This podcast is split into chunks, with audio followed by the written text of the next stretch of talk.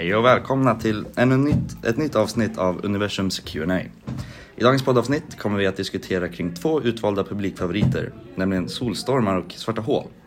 Idag har jag med mig två gäster. Först ut har vi Emelie Stenroth, kosmolog med inriktning på solen. Samt gästar Oskar Eriksson, expert inom kosmologi och svarta hål. Välkommen Emelie! Många undrar nog vad solstormar egentligen är. Kan du inte förklara lite av det? Jo, kortfattat kan jag säga att solstormar är kraftiga energiutbrott på solen som består av laddade partiklar eller strålning. När det är laddade partiklar som står för utbrottet av en solstorm kallas det för coronamassutkastningar och de kan orsaka geomagnetiska stormar på Tellus. Solstormar uppstår när aktiviteten på solen blir så, blir så stor så att partiklarna kan bilda elektromagnetiska fält som kastas i hög hastighet mot jorden. Låter komplicerat. Så solstormar är alltså partiklar och strålning som solen skickar ut. Men kan du inte förklara vad en sån där geomagnetisk storm är? Är det någon storm som har med magnetfält att göra? Ja, en geomagnetisk storm är när jordens magnetfält prickas av en coronamassutkastning. Eh, under den perioden kan energi överföras och ett elektriskt fält kan gå igenom jordytan. Så kallat en geomagnetisk storm. Vid en geomagnetisk storm kan strömmarna gå igenom allt ledande material som är jordat, till exempel elnät, järnvägsnät och rörledningar. Ja, tack så mycket. Om vi nu går tillbaka till solstormar så tror du att solstormar kan ha någon inverkan eller effekt på oss människor om vi nu råkar träffas av en. Ja, självklart, självklart kan det ha en inverkan på oss. Solstormar kan riktas mot jorden och påverka jonosfären samt störa satellitsignaler och radiovågor som passerar eller studsar mot jonosfären. Det bildas även strömmar av det elektriska fältet vilket orsakar störning i exempelvis signalsystem, tågtrafik och elnät. Jag kan kommentera att en majoritet av de solstormar som uppstår är hanterbara för jordklotet. Dock kan vårt utvecklande samhälle påverkas mycket av solstormar då beroendet av en fungerande elektronik är mycket, mycket avgörande för många jobb. Jag hörde på nyheterna att en solstorm är på väg nu mot oss nu. Är det, kan du kom- kommentera på det? Ja, eh, solen har precis vaknat upp ur en dvala. Solfläckscykeln 25 har startat upp på allvar. Eh, det innebär att solens magnetiska aktivitet har ökat, vilket ger en ökad risk för solstormar. Detta innebär att vi kommer få mer njutbara norrsken, men samtidigt kommer det leda till problem som jag tog upp tidigare. Aftonbladet släppte ju precis en artikel i slutet på oktober där de förklarade att en av NASAs satelliter, satelliter fångade solens leende på bild. Eh, bilden har publicerats på Twitter där många människor tagit del av den. Eh, det är många som inte förstått att eh, leendet är uppbyggt på svarta fläckar som är ett tydligt tecken på att en solstorm har uppstått på solens yta. Den kan ha suttit kurs mot jorden. Jag anser att vi har väldigt bra varningssystem mot solstormar. Först har vi varningar som delas eh, in på en vedertagen skala från 1 till 5. Och för att kunna bedöma effekter av den inkommande solstormen så är skalan indelad efter tre olika fenomen. Nämligen eh, bortfall av kortvågig radiokommunikation, eh, sen ökade nivåer av solstrålning på grund av protonhändelser. Sen har vi geomagnetiska stormar. Eh, och om prognosen visar att sannolikheten överstiger nivå 3 på någon av dessa skalor skickas en varning ut. Eh, det finns också något som kallas för G-skalan, vilket beskriver styrkan på en geomagnetisk storm. Om den uppnår nivå 4 eller högre, högre så kommer informationen behöva gå ut till flera personer. Alla som blir berörda av solstormen kommer att bli kontaktade. Okej, intressant. Då verkar vi inte behöva, behöva vara oroliga över att vi blir träffade av någon solstorm just nu. Nu välkomnar ni Oskar till podden. Du som var expert inom svarta hål och liknande kan väl säkert förklara vad ett svart hål faktiskt är?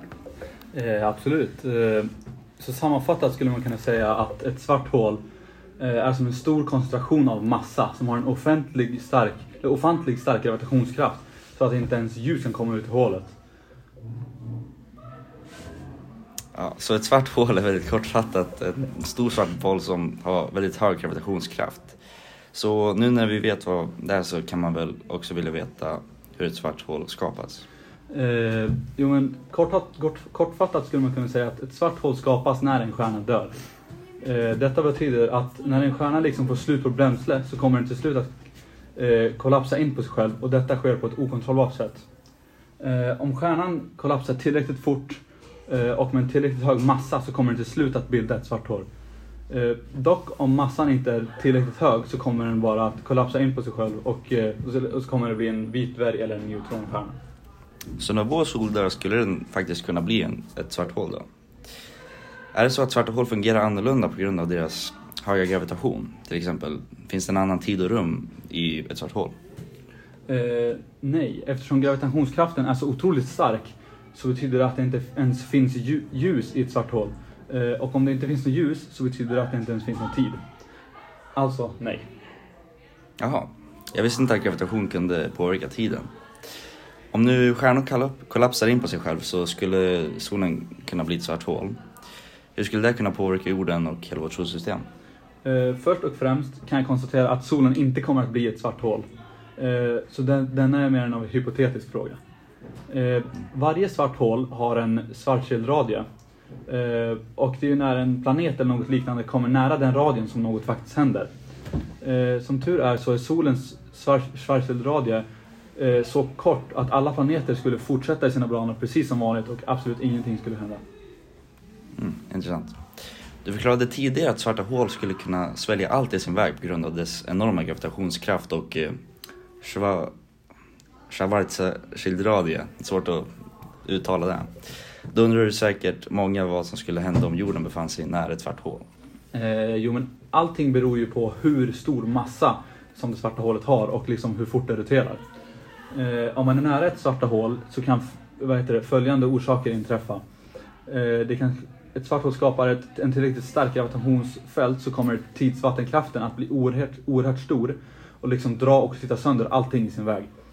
Vi vet också att Stephen Hawking, vi vet också att Stephen Hawking jobbade med svarta hål och att svarta hål släpper ut Hawkingstrålning, eh, vilket vi kommer att påverkas av. Dessutom så skulle ett svart hål kunna skapa förvirring och kaos mellan alla omloppsbanor i vårt solsystem. Detta kan då eh, resultera i att jorden fastnar på en omloppsbana runt det svarta hålet och hela jordens biologi kommer att förändras. Okej, så då håller vi tummarna att det inte händer i framtiden. Många är ju filmfantaster, inklusive mig själv och förhoppningsvis så har många sett filmen Interstellar. Och om ni inte har det så spoiler alert. I filmen så förstör de, försöker de lösa problemet om hur människor ska hitta en annan planet att bo på. Mitt i detta läge skapades ett slags wormhole, eller maskhål, som vi säger på svenska. Många undrar då, eller många då undrar ja, om det är så att ett så kallat maskhål är samma sak som ett svart hål. Skulle det kunna vara så att man kan färdas till en annan plats genom att åka in i ett svart hål? Eh, det korta och simpla svaret är faktiskt nej. Enligt matematiken så är det omöjligt då liksom mitten av ett svart hål egentligen bara är en singularitet av en, av med en slags oändlig densitet. Eh, så egentligen nej. Men hypotetiskt sett om ett svart hål parades ihop med ett vitt hål på andra sidan av det svarta hålet så skulle det kunna bli ett, mas- ett eh, maskhål. Eh, och i detta fall är ett vitt hål eh, ett tidsrum som inte kan nås från utsidan. Intressant ändå. Så vi måste bara hoppas på att någonstans i universum finns det ett svart hål kopplat till ett vitt hål. Eftersom ett svart hål har så otrolig gravitation att inte ens ljus kan komma ut ur det, hur kan vi ens undersöka och leta reda på fakta om det? Vi borde väl inte kunna se det svarta hålet från början, eller? Eh, som sagt så kan inte, inget, inget ljus eller någon typ av strålning överhuvudtaget rymma från det svarta hålet. Alltså har NASA utvecklat en strategi eh, på hur vi ska kunna studera miljön runt eh, den så kallade Event Horizon. Eh, där grejer händer liksom. Mm. Runt denna Event Horizon så är materia så enormt varmt att det lyser i X-rays. Detta är alltså det att man använder det för att ta reda på fakta om ett svart hål. Eh, men i grund och botten så undersöker man miljön runt om det svarta hålet.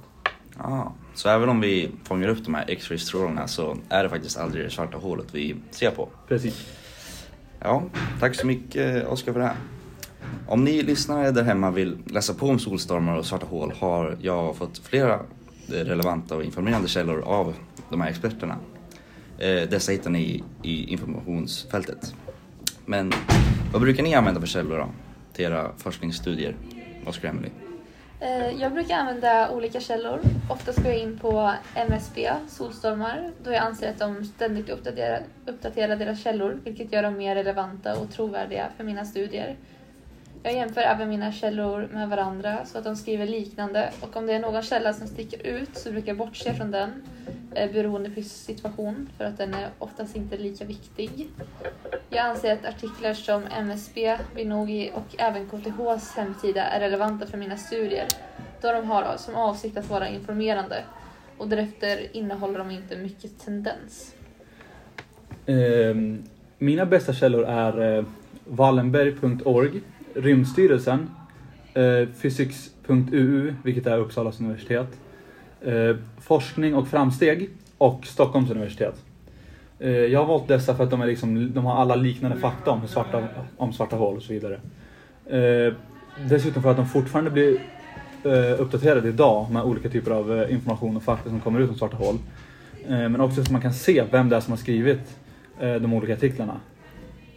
Eh, och om någon artikel säger någonting som jag tror är felaktigt och ger ut felaktig information så checkar jag in på flera för att liksom fact-checka ifall faktan är rätt. Eh, och sen så är jag också expert för jag vet ju vad som är någorlunda rätt och fel. Ja, tack så mycket Oskar och Emily för att ni medverkade idag. Det var mycket roligt att ha er här. Under nästa vecka gästar Douglas Svensson och Henrik Tran som ska diskutera grunderna om kosmologi och relativitetsprincipen. Shabba!